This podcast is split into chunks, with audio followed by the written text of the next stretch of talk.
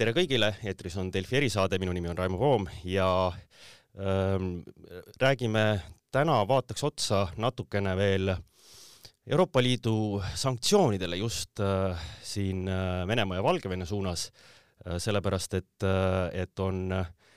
Neid on tehtud järjest mitu vooru, siin on peaaegu juba äh, siin äh, reedel tuli välja neljas äh, sanktsioonide voor ja, ja neist on ähm, isegi, isegi ajakirjanikel raske järge pidada, et mis on, mis on kõik tehtud äh,, kuidas nad töötavad, mida me näeme, aga mul on väga hea meel liinil tervitada äh, Kanadast ähm, Euroopa Liidu transpordi äh, peadirektoraadi peadirektorit Henrik Hololeit, tervist! tere! ja, ja võib-olla see transpordi osa nendest äh, sanktsioonidest, see ongi üks, üks selline kõige huvitavamaid ja, ja see on ka tehtud, see oli, kuulus sellesse nii-öelda peaaegu et esimesse, esimesse vooru seal, mis tehti, me kõik nägime, kuidas Euroopa Liit pani oma õhuruumi kinni ähm,, kuidas peatati lennukite varuosade ja, ja hooldamise pakkumine äh, Venemaale. Äh, selles mõttes, et, et võib-olla ma küsin alguses täpselt niimoodi, et mida see, mida see on tähendanud või mida see tähendab Venemaa äh, tsiviillennundusele? Äh, noh, me teame vist, et väga palju nad enam lennata ei saagi. suur, suur tänu äh,, Raimo, et, ähm, et saatesse tutvusid ja, ja, ja loomulikult äh, hea meelega jagaks äh, või vahetaks siin mõningaid mõtteid, kuigi äh, nagu sa isegi ütlesid, mis siin ümber toimub, toimub eh, pidevalt ja kiiresti ja, ja, ja selles mõttes eh, tuleb nii-öelda uusi tegevusi ja, ja ega kõike ei olegi väga lihtne tingimata selle osas silma peal hoida. ma ütleks seda, et, et jah, loomulikult üks osa nendest sanktsioonidest on transpordisanktsioonid ja nagu sa juba ütlesid, lennundusega seonduvad ei ole ka tegelikult ju ähm, Äh, mingisugune ähm,, ei ole mingisugune ime, et miks ma just Kanadas hetkel olen, Kanadas asub rahvusvaheline tsiviillennundusorganisatsioon ja, ja, ja nendel päevadel on olnud siin väga palju kohtumisi, muuhulgas selle organisatsiooni presidendiga, peasekretäriga, täna on meil teine kohtumine presidendiga ja, ja üks teema, mida me siin on tõstatanud, aga sellest võime pärast pikemalt rääkida, ei ole seotud sanktsioonidega, vaid on tegelikult seotud Vene Föderatsiooni käitumisega, kus äh, väga jämedalt äh, ja, ja täiesti ilma igasuguse hävita rikutakse rahvusvahelise või tsiviilõnduse, tsiviilõnduse kõige olulisemat alusdokumenti ehk Chicago konventsiooni tuhande üheksasaja neljakümne neljandast aastast. ja, äh, ja see on üks teema, mida me siin oleme tõstatanud. see on seotud sellega, et põhimõtteliselt Venemaa on omastamas mitu-mitusada Euroopa Liidu ettevõtetele kuuluvat lennukit, ehk siis need, mis on olnud liisitud lennu Venemaa lennuettevõtetele ja, ja mille eh, nii-öelda lendamisõigus on tänaseks ära võetud ja need lennukid tuleb ka tagastada omanikule, aga, aga seda ei ole, pigem vastupidi, Vene Föderatsioon on andnud välja määrused, mis eh, võtavad need lennukid põhimõtteliselt üle, natsionaliseeritakse, kantakse üle lennu, Venemaa lennuregistrisse, mis on jäme rahvusvahelise lennundusõiguse rikkumine ja, ja, ja see on olnud üks teemasid, mida me oleme siin arutanud ja, ja, ja mille osas on täiesti üksmeel, aga nagu ikka rahvusvaheliste, suurte rahvusvaheliste organisatsioonide, ÜRO organisatsioonide puhul, et, et, et selles mõttes kõik need protsessid võtavad natuke aega. samas ma pean tunnustama kindlasti rahvusvahelist tsiviillennundusorganisatsiooni selle poole pealt, et nad olid esimene ÜRO organisatsioon, kes väga selgelt ja üheselt mõistis hukka eh, Venemaa agressiooni eh, Ukrainas ja, ja selles osas ei ole siin mingit küsimust, Venemaa jäi ikkagi siin üksi siin nõukogus, ükski teine teda ei toetanud, kui see deklaratsioon eelmisel nädalal arutusele tuli. aga tulles tagasi nüüd selle sanktsioonide juurde, mida Euroopa Liit on rakendanud ja lisaks Euroopa Liidule ka mitmed meiega samamoodi mõtlevad ja sama väärtusi jagavad riigid, siis eh, kindlasti lennunduse sanktsioonid on olnud väga mõjusad. See on tähendanud kõigepealt siis kõikide müük, müügi ja teenuste, lennunduse valdkonna müük ja teenuste keelamist, millele järgneb siis ka mõni päev hiljem õhuruumi sulgemine, millele omalt poolt Venemaa sulgeb siis ka oma õhuruumi Euroopa Liidu äh, lennukitele. Äh, mida see tähendab, noh, on selge, et ega äh, vähem kui kahe nädalaga päevaga ei ole võimalik teha mingisuguseid väga kaugele ulatuvaid lõplikke järeldusi, aga ma arvan, et juba selle kümne päevaga võib öelda seda, et, et oleme hävitamas Vene tsiviillennundust sellisena, kui ta on. ja selle üle mul on siiralt hea meel. see näitab ka seda, et nendel rahvusvahelistel sanktsioonidel, mida tehakse üheskoos ja mille täitmist väga hoolikalt järgitakse, võib olla väga suur mõju igasuguste agressorite suhtes. Ja, ja, selles mõttes Venemaa, kes on viimase kolmekümne aastaga tegelikult päris edukalt oma lennundust üles ehitanud, eh, mitte nii palju lennundustööstust, sest ega neil ei ole produkte, neil ei ole lennukeid, mida rahvusvaheliselt edukalt müüa. Eh, Suhoi Superjet osutus ikkagi väga ebaõnnestunud lennuk ja mõne, mõned Euroopa lennufirmad seda kasutasid, aga juba mitmeid aastaid ei ole enam ühtegi nendest Euroopa lennuregistritest, kuna need lennukid ei olnud efektiivsed ega head. Ja nüüd see uus Irkut MC kakskümmend üks, ka see ei ole nüüd selline lennuk, millega rahvusvahelisele turule minna. Ja need mõlemad lennukid on osaliselt sõltunud väga palju ka lääne tehnoloogiast, mis tähendab, et nende lennukite järjed edasine tootmine tõenäoliselt ei ole võimalik lihtsalt sellepärast, et meil ei ole enam võimalik seda tehnoloogiat saada. aga just nimelt ehitati üles ikkagi äh, päris hästi toimiv nii-öelda lennundussüsteem, ma ei saa äh, üle ega ümber asjaolust, et Venemaa lennundusohutus ja lennundusjulgeolek on olnud väga kõrgel tasemel, meil ei ole olnud Venemaal kunagi lennundusohutusest probleemi ja üle tuhande lennuki, mis on Venemaal tsiviillennunduskasutuses, tsiviillennundusregistris, suur osa nendest, valdav osa nendest on kõik läänelennukid, uued lennukid, nagu ma ütlesin, viissada, üle viiesaja, tänasel umbes viissada kuusteist lennukit on siis äh, liisitud Euroopa Liidu liisinguettevõtetelt. Ja, ja selle läbi on Aeroflot äh, S7 Ural äh, mitmed lennuettevõtted ehitanud üles võrgustikku nii Venemaa sees kui ka Venemaast väljaspool ja, ja, ja ka pandeemia ajal Venemaa lennundus tegelikult oli üks nendest, mis, mis taastus ja, isegi, isegi kasvas kiiremini kui paljud mujal Euroopa Liidus. nüüd seda muidugi enam ei ole. on selge, et need lennukid,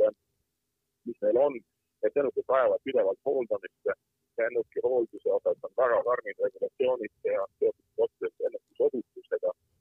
Neil ei ole võimalik saada varuosi, neil ei ole võimalik saada seda hooldust, neil ei tohi seda teenust pakkuda ja isegi kui nad on ära varastanud need Euroopa Liidu äh, ettevõtetele kuuluvad lennukid sõna otseses mõttes varguspäise päeva ajal,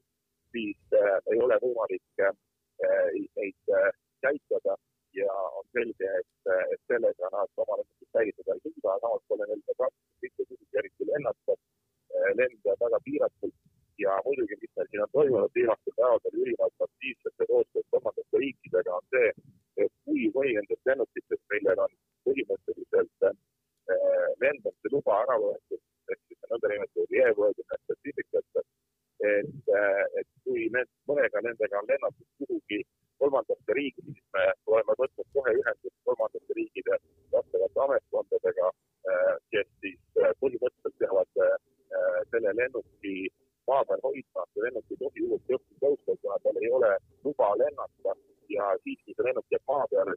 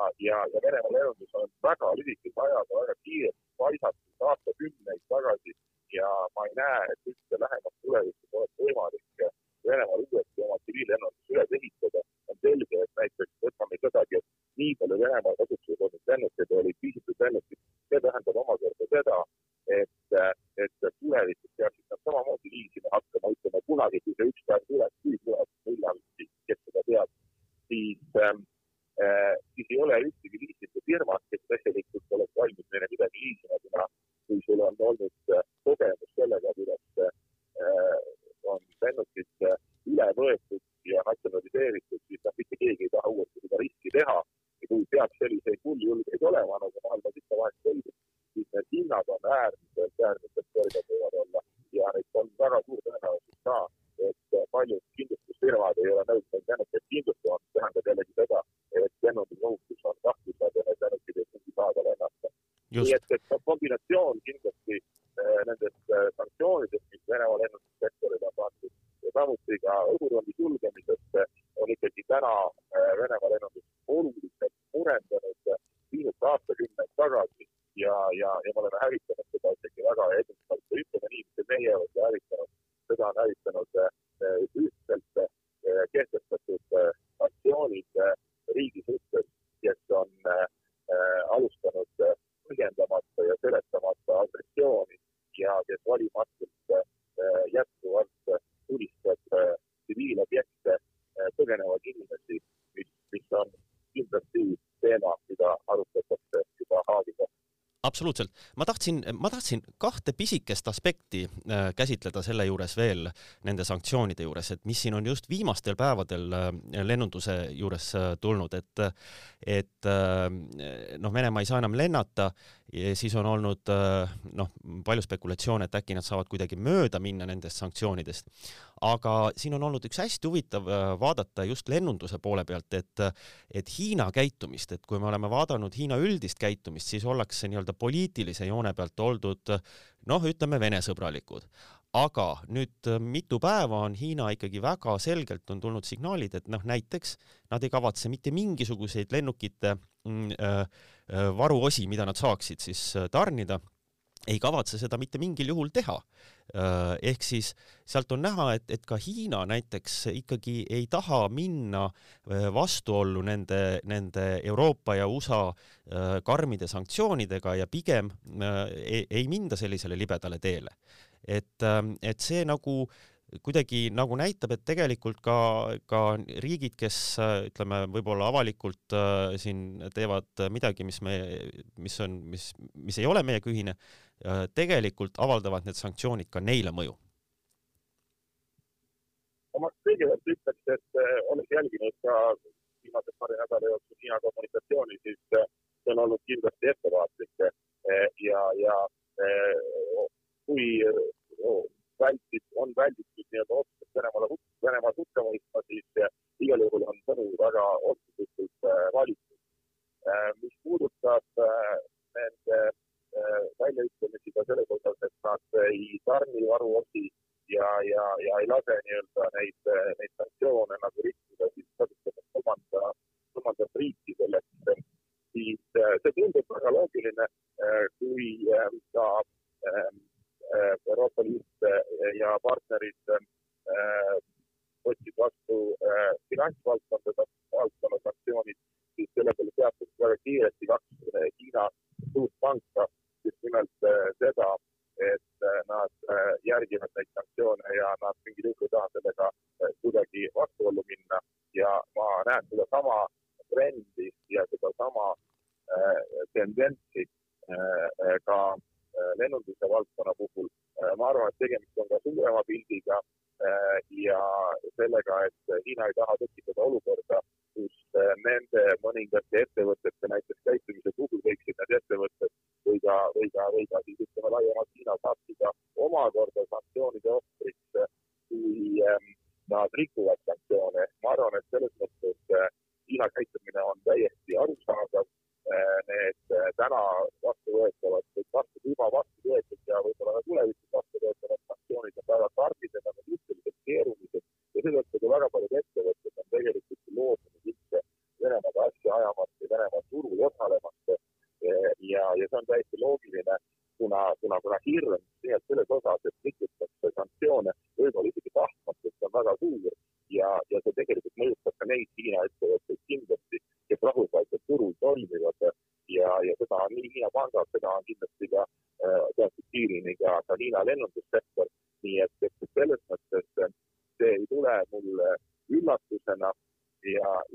arvan, et kindlasti on huvitav ka jälgida jätkuvalt seda, seda Hiina, Hiina retoorikat ja mida täpselt ja kuidas täpselt öeldakse, et, et kui ma täiesti mäletan, siis ka oli see nüüd eile või et kui Ida-Hiina president äh, ei rääkinud äh, nii-öelda konfliktist, vaid äh, rääkis sõjast, et ma arvan, et noh, need, kes seda retoorikat lähedalt jälgivad, saavad sealt ise juba väga kauge ulatuvalt järeldusi tõmmata. just, äh, ma, ma, sa mainisid sedasama, noh, siin jutu alguses, et äh, mida te arutate seal Montrealis, seda, seda räiget siis äh, rahvusvahelise tsiviil, tsiviillennunduse põhimõtete rikkumist, sedasama, et, et Venemaa võib, on andnud märke, et nad võivadki ära natsionaliseerida need, need viissada siis Euroopa liisinguettevõtetele kuuluvat lennukit see muidugi tekitab selle teise poole küsimuse, et, et ähm, kuidas need äh, liisingufirmad, noh näiteks teame, et, et see on just Iirimaal äh, üks äh, väga niisugune neile omane business, kus, kus sellega tegeletakse, lennuki liisimisega. et kuidas see nendele ettevõtetele mõjub, võib mõjuda võib, et, et ega siis noh, neil tuleb ju sel juhul kahju kanda ja, ja kas kas seal võib olla mingisuguseid ka niisuguseid asju, mida on nähtud maailmas, et kui üks riik niisuguse natsionaliseerimisega tegeleb, siis tegelikult saab kohtute kaudu äh, needsamad firmad võivad hakata selle riigi teisi äh, varasid äh, üle maailma äh, paluma enda kasuks äh, siis äh, ma ei tea, kas arestida või, või endale anda kõigepealt ütleks jah seda, et, et, et lennukite liisimine on, on, on väga-väga oluline äh, finantsteenus, mida osutavad äh, Iirimaale registreeritud ettevõtted äh, maailma kümnest suuremast lennuki liisimise ettevõttest üheksa omab peakorterit just nimelt Iirimaal. Ja, ja see on traditsiooniliselt nii olnud Iiri riik on sellest saanud väga suurt kulu ja, ja loomulikult on see loonud endaga kaasa ka palju kõrgepalgalisi töökohti ja toonud eksperte kohale üle maailma. et Iirimaal on olnud väga palju sellest võita ja, ja loomulikult me teeme selle üle ainult hea meel, kui Iirimaa Lätti läheb. aga äh, jaa äh,, seda küll, et me oleme väga tihedas kontaktis, ma olen mitme äh, lennu, lenn, lennuki liisimise ettevõtte juhiga olnud siin korduvalt kontaktis, olen kontaktis ka äh, Äh, Iiri äh, lessorite nii-öelda katusorganisatsiooni Aircraft Leasing Ireland äh, juhtkonnaga, vahetame informatsiooni. ma olen ühenduses ka Iiri tsiviillennunduse juhtidega ja, ja, loomulikult Euroopa Komisjon peabki siin olema kaitsmas oma ühe liikmesriigi ja selle liikmesriigi ettevõtete huvisid, eriti sellises olukorras, kus nad on sattunud pretsedenditu surve alla ja nende omandiga käitutakse sellisena, mis äh, ei ole tsiviliseeritud maailmale kohane olnud. Äh, et äh, loomulikult, täna on liiga vara seda öelda, neid lennukeid oli tõesti kuskil viissada kuusteist oli üks number, mis meil on siin olnud ka. aga me täpsustame ka veel täpselt kõike seda. Õnneks on mõnekümne, mõnikümmend on kätte saadud, aga tõepoolest, noh, ma arvan, see number, mis täna on kätte saamata, on ikkagi üüratult suur ja, ja, ja selle puhul võib olla ka üüratu kahju. samas noh, ettevõtted, kes on Venemaaga äri teinud ja, ja muude selliste, selliste jurisdiktsioonidega, kus ei ole alati kindlasti eh, järgitud ja ei järgita äh, õigust ja, ja, ja, ja eks seal on see risk olemas, et ja, ja eks see risk on loomulikult sisse kirjutatud nendesse liisingulepingutesse teatud piirini. Äh, aga, aga loomulikult, et kahju, kahju tuleb äh, maha kanda, kui see sinnamaani jõuab, et äh, täna ei saa asjadest ette hinnata, see on niivõrd uus asi, nii vähe aega on mööda läinud ja hoolimata nähes selline seda, milline on olnud Venemaa käitumine ja soovimatus rahvusvahelistest normidest kinni pidada ka selles valdkonnas, siis on muidugi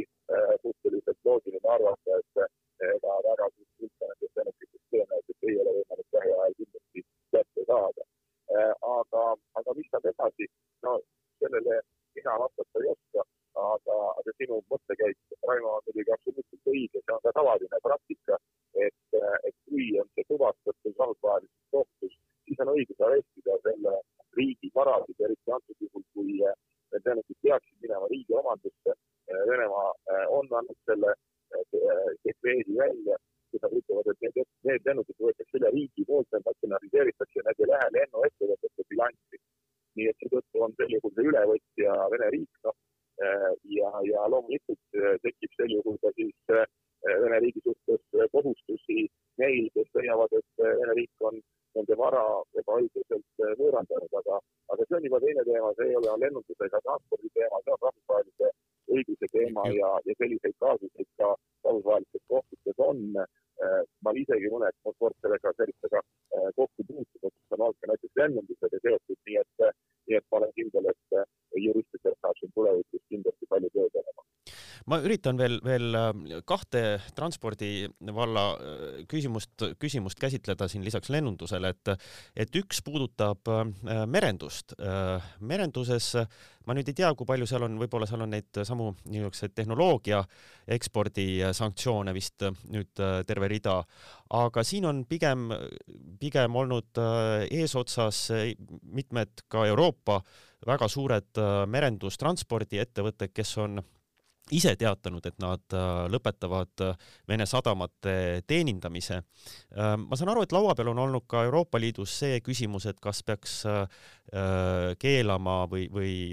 keelama Vene laevade sisenemise ähm, Euroopa sadamatesse, aga,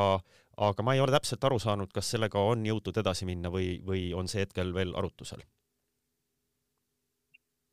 tõepoolest, ega transpordivaldkonnas lennundus ei ole ainukene, on Äh, loomulikult ka, ka muid äh, valdkondi äh, on, on vaadatud ja, ja loomulikult analüüs on, on teatud alati olnud tehtud juba ammu-ammu, et, et ega, ega ka need lennundussanktsioonid, et need ei tulnud üleöö, et nüüd kuulge, olge head ja tehke midagi, et see eeltöö oli pikka aega tehtud ja, ja, ja, ja seetõttu on alati hea olla valmis.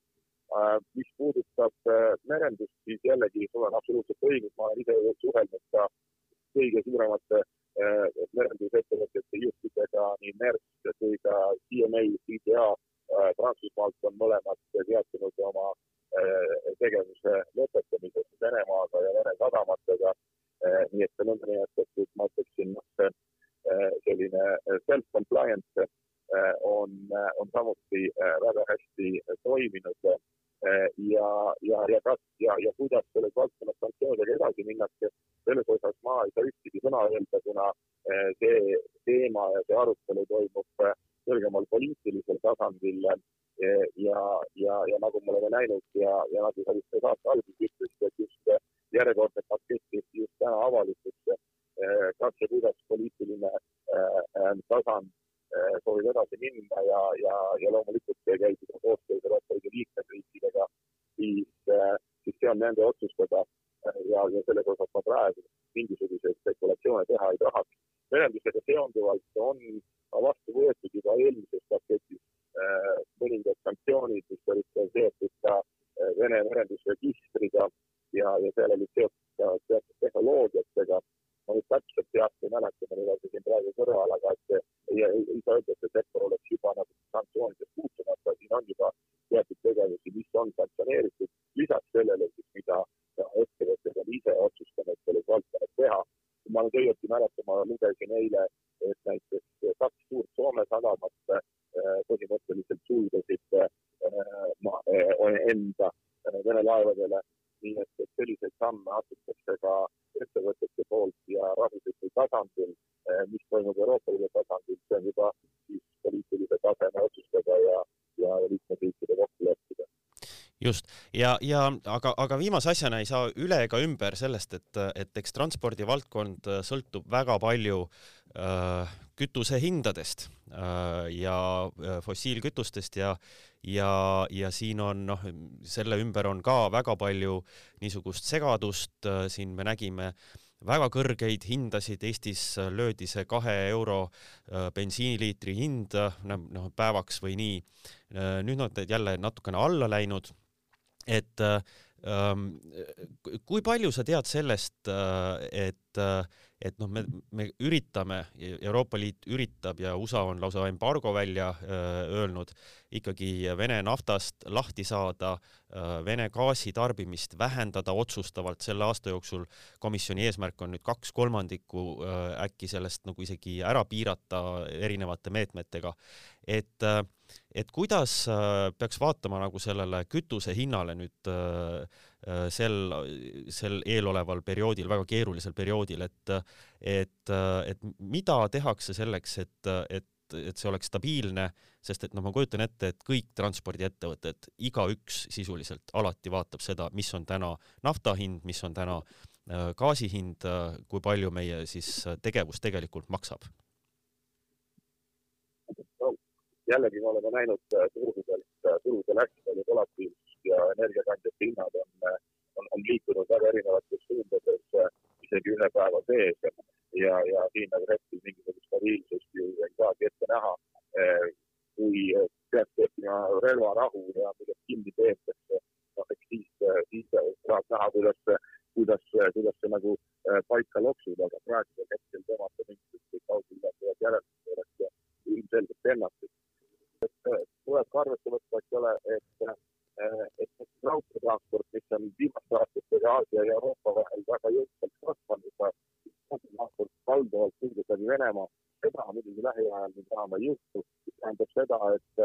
et, et meretransporti tulevad, tuleb juurde eh, kindlasti eh, konteinereid olukorras ka, kus see konteinerite vedu on väga kallis, et noh, mitte ainult kütus, vaid siin on palju muid elemente, mis kõik mõjutavad ka Euroopa hinda ja, ja transpordi osa on selles samuti eh, piisavalt tähtis, et et, et ega tänane olukord ongi see, et ei ole nagu mingisugust leevendust sellisele, sellisele hinnatõusule, ainuke asi on see, kui noh, turg mingil määralgi, mingil määralgi korrektuure võiks teha, ju nii palju muudest faktoritest, kindlasti aitaks kaasa ka nafta hinda langusele see, kui OPEC pluss ja Greenland kokkuleppest äh, eemale minnakse, kui suured naftatootjad, eelkõige Saudi Araabia, aga ka Ühendemiraadid suurendaksid oma nafta tootmist, kui näiteks ka Iraan võiks tulla tagasi naftaturule ja ka, ja ka muud riigid suudaksid rohkem naftat turule pumbata, aga samas on selge, et Venemaa, kes on suur nafta turule müüa, siis seda osa ei ole võimalik üleöö täita. kindlasti tohutu leevendus see, kui see nafta tootmine märgatavalt kasvaks ja, ja mis puudutab Euroopa Liitu, siis jah, tõepoolest väga jõuliseid otsuseid tehti ka viimastel päevadel ja, ja just nimelt ka kiirendada seda mõju vähendamist Venemaa energiakandjatest, eelkõige naftast, gaasist. see, see on olnud ju ikkagi tõsine probleem Euroopale. me Euroopas ka ei ole piisavalt teinud investeeringuid, kas või näiteks öeldakse gaasi ehk siis selle LNG nii-öelda terminalide rajamiseks ka Eesti magas selle õige hetke maha, mis oli väga kahetsusväärne, tolleaegne valitsus, ma ei tea, millega ta mõtles, aga ei mõelnud kindlasti Eesti parimat huvi silmas pidades tol ajal, kui oli ka erasektor Alexela näol valmis neid samme astuma. täna tuleks kindlasti sellega uuesti selle juurde tagasi tulla, aga see ei too mingisuguseid lahendusi üleöö, aga nüüd tuleb kõigil mõista, et tuleb nii-öelda valmis olla ikkagi äh, pikemaks perioodiks ja, ja tuleb kõiki võimalikke alternatiive igal juhul toetada. ja, ja siit jõuame ka sellesama, lihtsalt sellesama rohepöördeni ja tegelikult nüüd me näeme ka seda, miks see rohepööre ka tegelikult on vajalik. mina olen ta enda jaoks alati lahti mõtestanud just nimelt sellena, et, et rohepöörde üks suur lisaväärtus on see, et ta vähendab meie sõltuvust eh, Venemaa, eelkõige Venemaa energiakandjatest, aga ka paljudest, aga ka muude riikide energiakandjatest. Euroopa on väga-väga suur energiakandjate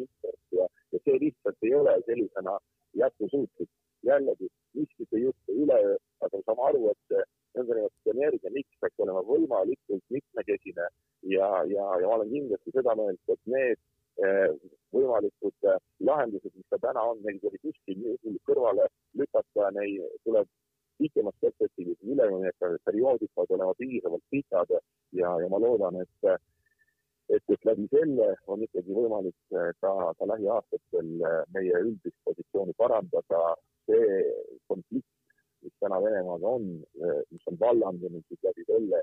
et Venemaa agressiooni äh, Ukrainasse, see ei ole kadumas ei lähipäevadel, kuudel ega aastatel ja, ja ma arvan, et kõiki tänaseid otsuseid tuleb ka selle valguses teha ja selle valguses analüüsida. Nii, aga äh, suur tänu Hendrik Hololeile äh, täna saates olemast ja soovime jõudu-jaksu ning äh, Delfi erisaade on taas eetris juba homme. Kuulmiseni